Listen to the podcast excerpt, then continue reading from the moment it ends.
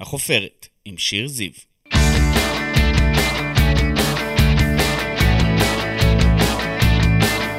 ברוכים הבאים לחופרת, אני שיר זיו, עיתונאית ישראל היום, אשת תקשורת וסופרת, וכאן בפודקאסט שלי אנחנו חופרים מדי שבוע באולפן ישראל היום עם אדם, בעל שם, מישהי או מישהו שכולכם מכירים מתעשיית הבידור, מעולם הספורט, מהתיאטרון או מהרשתות החברתיות. אז קדימה, בואו נצא לדרך. הוא בן 50 אבל נראה פחות, הוא גר ברמת גן, אבל חלק מהלב שלו עוד נטוע בחצור הגלילית. נדב אבוקסיס למד בישיבה ושירת בגולני, ואז הגיע לעיר הגדולה, התפרסם והפך לקומיקאי מוכר בכל בית. היום הוא אב לשניים, גיי מוצהר, סטנדאפיסט מושך אש, שלא מהסס לפתוח את הפה ולצאת מכל הארונות שיש, כי ככה בא לו. היום הוא כאן איתנו בחופרת, מי יודע, אולי נוציא אותו מעוד איזה ארון?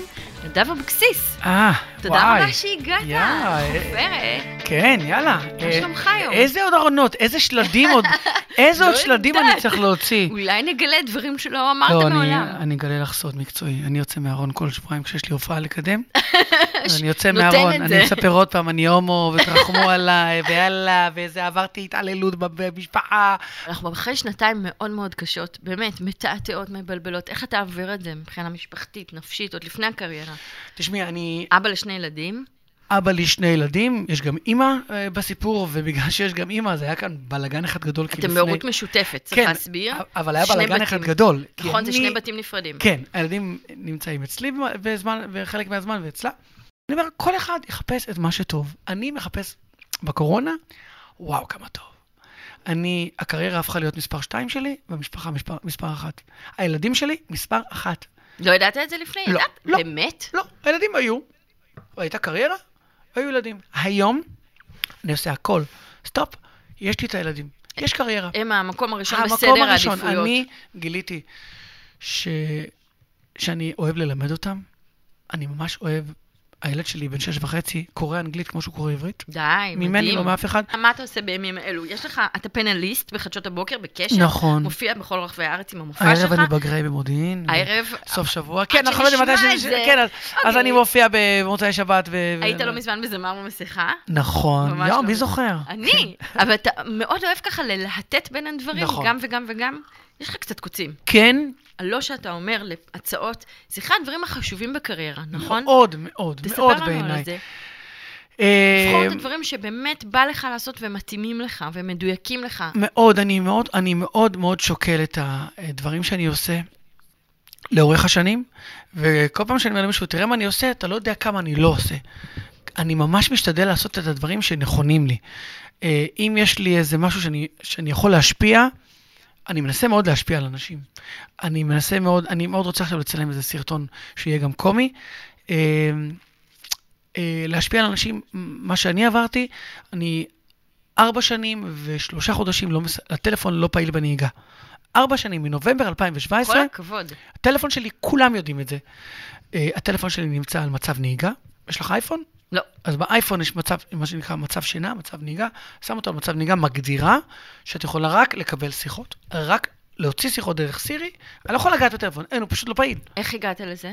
איך, מה קרה אני לא זוכר, ביום? אחד לא קרה שום דבר דרמטי, לא הייתי כמעט לפני לאל. תאונה. אני תמיד אומר, סוף מעשה במחשבה תחילה, גם על זה לועגים לי שאני אומר את זה. אני פשוט, זה משפט שמלווה אותי.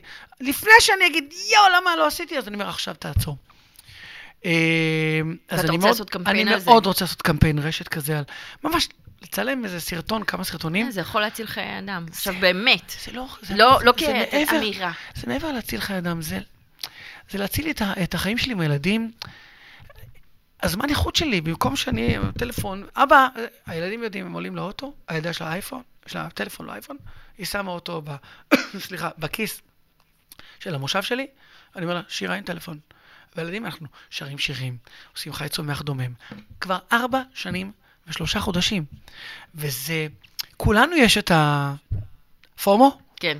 fear of missing out. כשאני לא, ברור, מה קורה כשאני לא בנייד? מה אין קורה? לי, את רואה את? הטלפון שלי עכשיו, הוא יכול להיות פה. זהו. אה, מי שאף אחד לא רואה את זה, אבל כרגע הטלפון, מצב הפוך, אני לא רואה, זה לא מעניין אותי. ולמדתי דרך הדבר הזה. היום אני הולך לישון צהריים, כשאני ישן צהריים, שם את הטלפון על שקט, אין לי רטט, כרגע שאלת למי יש, אין לי רטט. לא, זה לא מעניין, אני... אבל אתה חושש ממה אתה מפסיד? לא, מה קורה? אין לי fear לא? of missing out, אני לאט לאט מתגבר על זה, זה גמילה. כן, ממש. זו גמילה ממש, ואני כבר בתהליך של הגמילה. מה מרגיז אותך בימים אלו? אבל אגב, מה אני- ממש מרגיז אותך? יש כמה דברים. מרגיז אותי שהרשת הפכה להיות בית, דין. היא הפכה להיות בית דין שדה. כשזה מגיע אלינו, האזרחים, או אפילו אליי המפורסם, אוקיי, מתייחס לעצמי כמפורסם, אבל לא משנה. אלה האנשים המוכרים יותר, אז אני אומר, וואו, וואו, מחר יהיה מישהו שיגיד עליי. אז פתאום אני כן, אני פתאום אני אומר, וואו, תירגע, אה, תירגעו כולם, אני אתן לך סיפור. אבל זה גורם לך לחשוש באמת? לא, אני, אני, אני לא חושש, אני אגיד לך, אני אגיד לך, קודם כל, תמיד אתה יכול לחשוש, רגע, מה עשיתי? אני בן 50, אני לא יודע מה עשיתי, אבל לא הטרדתי מינית, לא אנסתי, לא כפיתי את עצמי על אף אחד, אבל עשיתי דברים לא טובים בחיים. לפני חודש אני מקבל באינסטגרם הודעה. היי נדב, כל ההודעה אני לא, לא זוכר. Uh, אתה בטח תזכור, אבל uh, יום אחד היינו באיקאה נתניה, אימא שלי ואני, ו... ואתה קיללת אותנו, והיית עם האוטו, ועצרת, ואמרת ככה, ועשית ככה, ו... פתאום רעד לי הלב, נהייתי כל הגוף כזה צמרמורת, אמרתי, אני, מה? לא זכרת. לא זכרתי כלום. אבל אמרתי, יכול להיות שזה נכון. יכול להיות שזה נכון. וניסיתי להיזכר באירוע, ולא זכרתי. כתבתי לה, היי, אני לא זוכר את האירוע, אבל אני מאמין לך. אני מאמין לך, יכול להיות שזה היה. עכשיו, אני לא אותו נדב היום. מן הסתם זה קרה לפני יותר משנתיים, כי כל הקורונה לא הייתי באיקאה. זה איקאה אה, נתניה, אז לא הייתי אפילו ארבע שנים, כי אני באיקאה ראשון, אפילו חמש שנים. יכול להיות. אני כבר, אמרתי לך, ארבע שנים שאני לא מסמס, ואני גם שנה שלא מצפצף באוטו. מין החלטה שהחלטתי שאני לא מצפצף וכלום. כתבתי לה, אני מאמין לך, יכול להיות שכן הייתי כזה. אבל אדם משתנה וכולי וכולי, ואם כן, אני מצטער, מבקש סליחה. היא בעצם רצתה את ההתנצלות. ואז כתבה לי, הכל בסדר ואני אוהבת אותך וזה. אמרתי לעצמי, מה קרה לדבר הזה? מה, כבר אי אפשר יותר? מישהו נפגע, כותב למישהו, או, או סוגר איתו, זה חייב להיות בפני כולם? הרי אם היא הייתה כותבת פוסט, זה איכשהו מגיע, וזה נמצא בצינור, או באיזה אה, עמוד, ואז כולם, כן, גם ככה, פרשה, זה היה בדיחות על מרוקאים, לא סובלת אותה, כן. גם ככה הוא איזה אפס, ואיזה מסכנים הילדים שלו. אולי מה שאתה אומר פה זה עיבוד פרופורציה, שיצאנו לגמרי מפרופורציה או... על כל דבר. אמרתי, וואלה, כל כך הערכתי אותה, שהיא כתבה לי את זה. כן. אמרתי, וואלה, אני אפילו מאמין לה.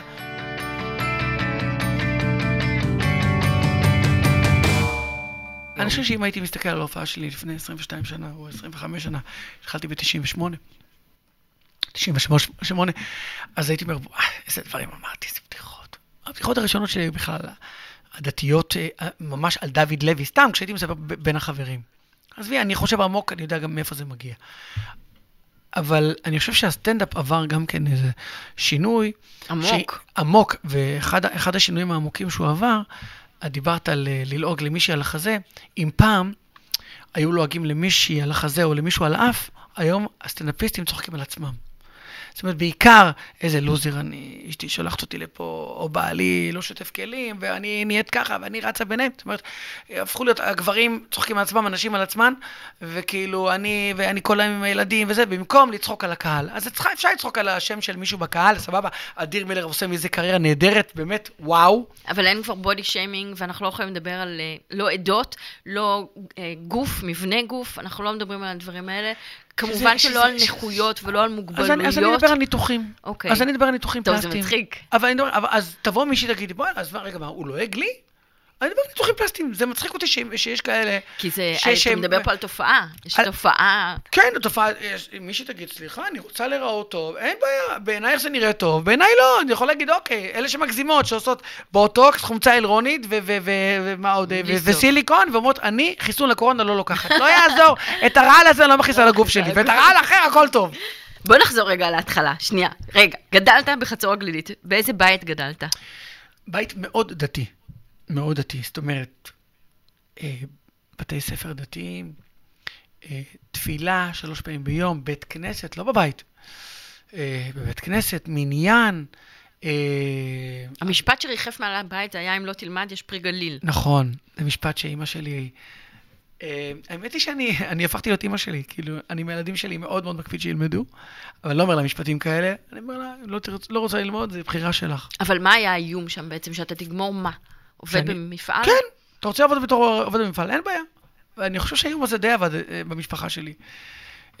אומנם אה, שניים, לצערי, אה, לא כל כך הצליחו, הלכו, למדו משפטים. למה? אומרים לכם, לכו, תעשו משהו בחיים שלכם. ללמוד משפטים, באמת. נהיים עורכי דין, אין לכם מה לעשות. אבל היית ילד שקורא הרבה, זאת אומרת, היית ילד מאוד... המון, אני קורא גם היום, אבל אני עוד כלום לעומת אחי הבכור. אחי הבכור זה אנציקלופדיה מהלכת. חינוך היה ערך מרכזי בבית? מאוד, מאוד.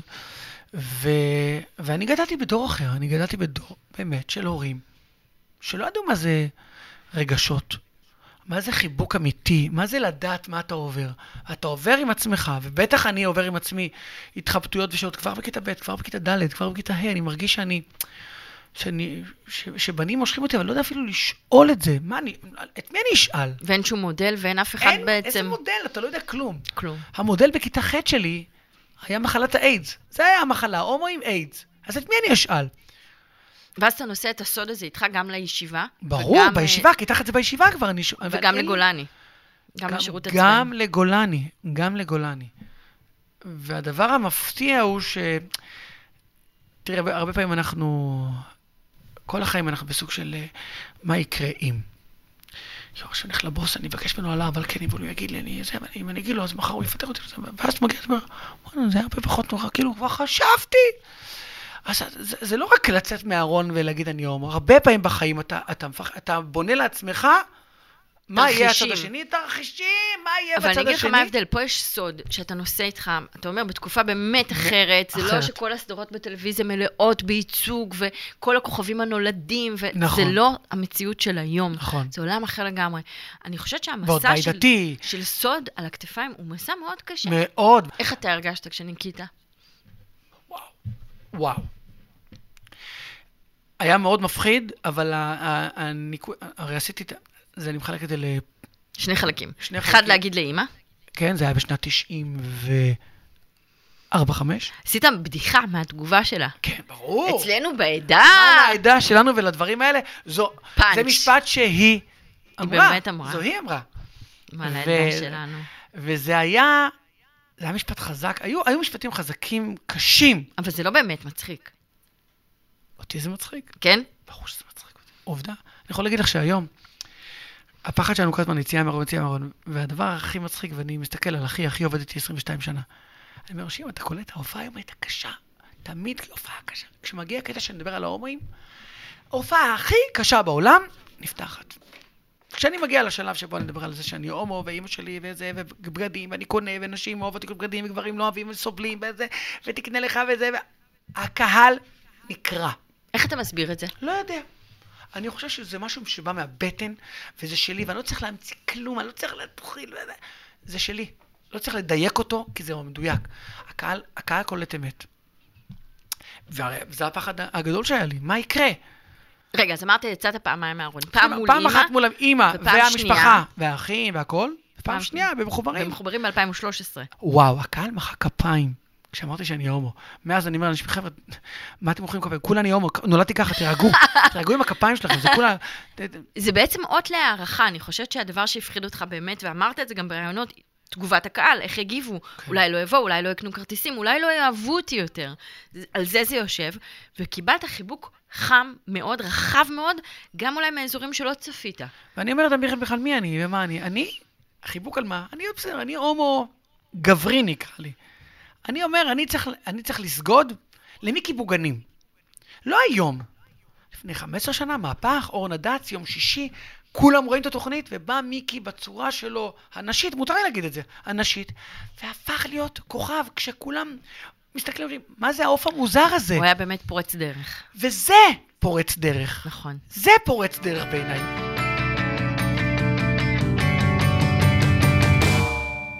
חברים שלך מגולני הם חברים מאוד טובים שלך עד היום, מה זאת אומרת? הם החבר'ה שלך. הם הר- מהראשונים שידעו עוד לפני המשפחה ש- שסיפרתי להם, וזה היה... ומתי אני יודע שמקבלים אותי? כשצוחקים עליי. מתי זה היה? כבר אז, זהו, ברגע שסיפרתי להם, ואז התחילו הבדיחות עליי, ובלי סוף.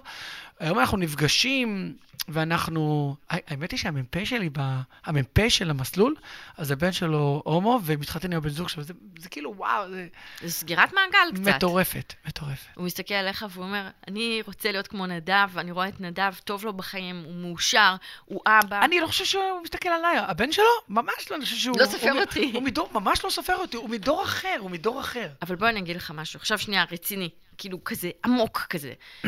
פעם הדימוי של להיות גבר גאה היה שאולי לא יהיו לו ילדים. אולי נכון. באמת ימות זלמן שושי, נכון. ש- הוא יהיה בודד. זאת אומרת, עבור ההורים, נכון, כמו ההורים נכון, שלך, נכון.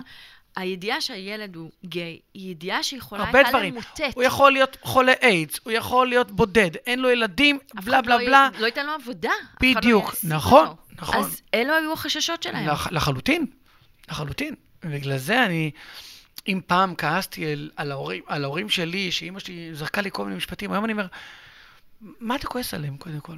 מה, מה אתה כועס עליהם? תקבל אותם, תבין אותם, זכותם, זה אחר. בסדר גמור, ממש. ואני הגעתי לאושר עם עצמי כשהבנתי שאני לא משווה את עצמי לאחרים, אלא לעצמי. לא משווה את עצמי, למה ההוא, ועשיתי את זה, אני לא מתבייש להגיד. הסתכלתי על הסטנדאפיסטים, אמרתי, וואו, ולמה אני לא? כמו מי? כמו אדיר? כמו מי?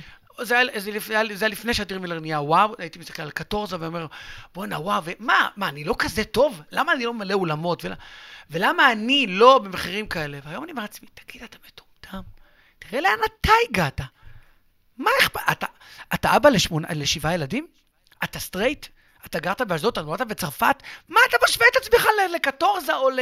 לא משנה. אבל להם. זה דבר טבעי, ההשוואה. לא, אז זה לא, זה טבעי במוח כדי, כדי להתחרפן. במקום זה, תגיד, תגיד, אתה נורמלי? אתה באת מחצור גלילית, לא היה לך בכלל חלום להיות סטנדאפיסט. אני רציתי להיות עורך דין, תודה לאל שאני לא. באמת, תודה לאל. ונהיית סטנדאפיסט, אתה מצייץ בטוויטר מילה, אומרים לך, בוא תתראיין, בוא תדבר.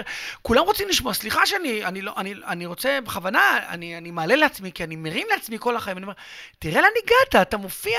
השאלה הנצחית ששואלים אותך, למה אתה לא הולך לפוליטיקה? זה. נורא, כי זה נורא ואיום, כי זה רע מאוד. אבל הציעו, כי אני, היו אני הצעות. אוהב טובות הנאה. היו... כן, אני אוהב טובות הנאה. אני אוהב להופיע, ואז אה, אני מקבל סוף שבוע במלון אלמה, או בממילה, ואני לא חייב דין וחשבון לאף אחד, ואני לוקח את הילדים שלי עכשיו לממילה. וכשאתה אומר, אני רוצה להשפיע, ואתה באמת רוצה להשפיע פה על כמויות גדולות אני מאוד לא של חושב אנשים. שאני יכול להשפיע כל כך, אני לא חושב, אני חושב שההשפעה... בפוליטיקה אפשר להשפיע. לא, אני חושב להפך, שבפוליטיקה אי אפשר להשפיע. למה? תלוי מה אתה בפוליטיקה. תסביר. זאת אומרת, אתה יכול לפעמים להשפיע בתור ערן סוויסה, לא בתור. ערן סוויסה, על מהדורות החדשות, או על על פוטושופ, קיצורים. הרבה יותר מאשר להיות בכנסת. אתה יכול להיות באינסטגרם ובטוויטר, אני אשאל עוד שאלה אחת אה, כן. לקינוח, לסיום. מה עם אהבה? מה קורה? או, תשמעי, אני מאוד רוצה אהבה. אני לא יודע מה אני רוצה, אני מאוד רוצה, אני באמת רוצה. אני לא נמצא באפליקציות, כי השיח שם הוא גם אותי מביא למקומות שאני לא רוצה. אני... יש בי רצון לאהבה, אבל שתהיה באמת אהבה, לא יודע, כאילו, שמתאימה לגיל שלי. לא בא לי על מישהו בן 20, שבתחילת הדרך שלו, כמה ש-20 זה החתיך והזה, אני מחפש משהו מעבר לזה, כי זה אהבה. לא דיברתי על סקס. אתה רוצה זוגיות. אני רוצה זוגיות, אני רוצה קשר. משהו שהוא מעבר לזה, אני רוצה מישהו שהוא עם תובנות בחיים. התחלת את, ה... את הפודקאסט עם התעודת זהות שלי, הוא בן 50 והוא נראה פחות, נכון. אבל שואלים אותי בן כמה אני, אני אומר 50, אני מרגיש בן 50. אני לא מרגיש בן 20. אני לא, אני לא רוצה להרגיש בן 30, אני לא רוצה להרגיש בן 40. 50 זה גיל עם תובנות. זה גיל שאתה אומר, בוא'נה, אני מסתכל על החיים אחרת. אין לי שום רצון להיות בן 40 עם ה... בוא'נה, אני, אני, אני הגעתי לגיל שבו אני מסתכל על החיים, על, על איך להסתכל על דברים אחרת. אני ממש נהנה מזה. אני, אני גם נהנה מזה שהם מקשיבים לי לפעמים, לא, לא, לא בפודקאסט, כשאני מדבר עם מישהו, אני פותח לאנשים לפעמים את הזה, נכון, חשבתי ככה ועכשיו אני חושב אחרת. אז אני נהנה מהגיל הזה, אני לא, לא סובל מזה. בקיצור, מכל מה שאמרת, נדב אבוקסיס מחפש אהבה. תודה כן, רבה, תודה בעיה. רבה, שלום. אם זו הכותרת, אז אין בעיה. שלום וביי. אה, תודה רבה שהגעת אלינו לחופרת. ש- יאללה. יש רק דרך אחת להימנע מביקורת. אל תעשה כלום, אל תגיד כלום ואל תהיה כלום. כך כתב אריסטו, והדרך של נדב אבוקסיס רצופה בביקורת, גם כזו שהוא מפנה כלפי אחרים וכזו שמופנית כלפיו, אבל דווקא מהמקום הזה ברור לכל מי שעוקב אחרי הקריירה של האיש, שאבוקסיס כאן כדי לעשות ולהשאיר חותם.